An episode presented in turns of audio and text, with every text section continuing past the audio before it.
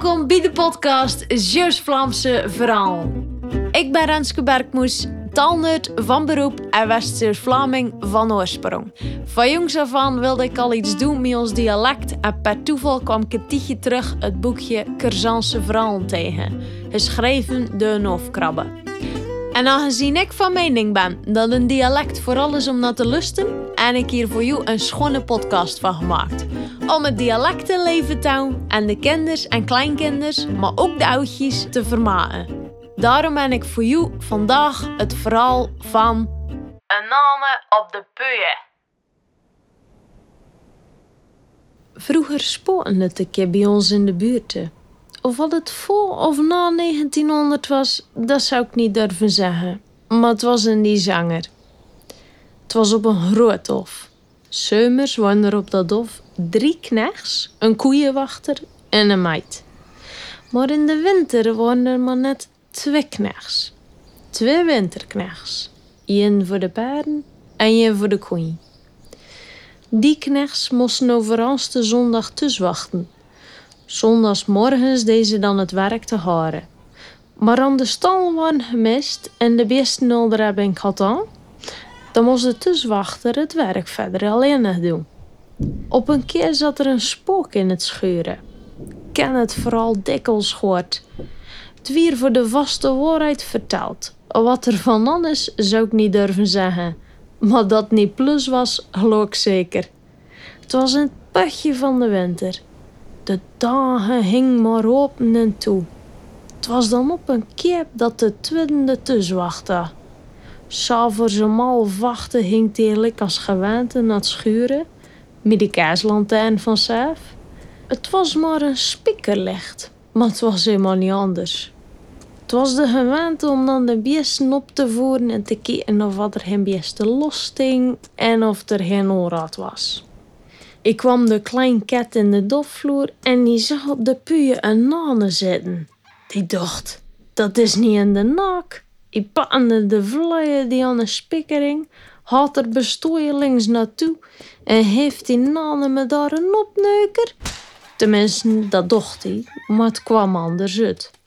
Die nane kwam hem op, vloog op zijn hoofd en die beet hem in krauwen mond geraakt. Die hafte de mond daar pandoor. De tweede schreeuwde als een mager bocht ver en dat dat geringd wordt. Met zijn man voor zijn ogen vloog hij naar buiten. Hij speelde zijn klompnut en op zijn kouselinge voeten liep hij naar de deuren. Op een vloekende zucht was hij in de nussen.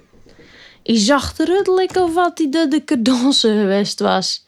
Hij zei, daar zit een spook in het schuren. Het was een consternatie, dat begreep je zo. De vrouwen zei, waar is de lantaarn en waar is je patten? Je zei, ik weet het niet. De baas zei, dan moeten we terug naar de schuren. Maar de tweede had er niet boven.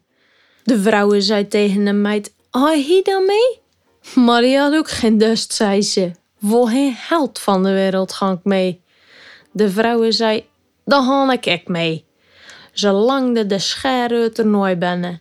Ze bedocht er eigen, leidt die terug en pakte het broodmes te schuiven van tafel. Ze zei, ken er al meer de kop afgedaan. Al maar een kastrolle gereed. Ze hing met al de drie naar buiten. De meid deed de grendels op de deuren. De vrouwen hing voorop. Drachter de baas en helemaal achteraan, net als een koe zijn staart, de tweede. Het was alles sterke donker. Je kon geen hand voor je ogen zien. Ze kwam in de dofvloer, maar dat was geen ane te bekennen velden of wegen. Wij zagen ze op tilt een vreemde zwarte katten en die hing er van de als ze binnenkwam. Ze hing al de standen, maar geen handen te zien. Als ze dan terugging naar de deuren, zagen ze weer om die zwarte katten. En die smeren naar de weg en over de dik de dikke put nee. S'avonds later kwam de grote tussen. Ik zag nog licht branden en ik dacht, ik geef me een wonder wat het erop doet. En waarom als nog niet naar bed zijn. Als die nus kwam, vertelde de vrouw heel het verhaal. De groten zei dan, die tormenten al gebeuren, dan kijk er niet bij.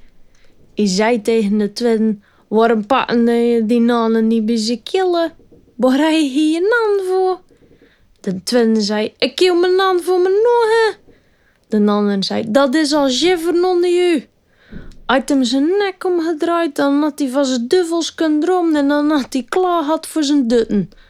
Kan er haar plum van moeten of dat het een spook was of niet? Anders zei al zoveel waps, maar nu sta je te kijken of hij het niet kan helpen. Net of je het tienen kan De meid zei, een spook doet niks, hij zelf ook niks doet. Hij hem heen op vlekker gegeven dan had hij ook niks gedaan.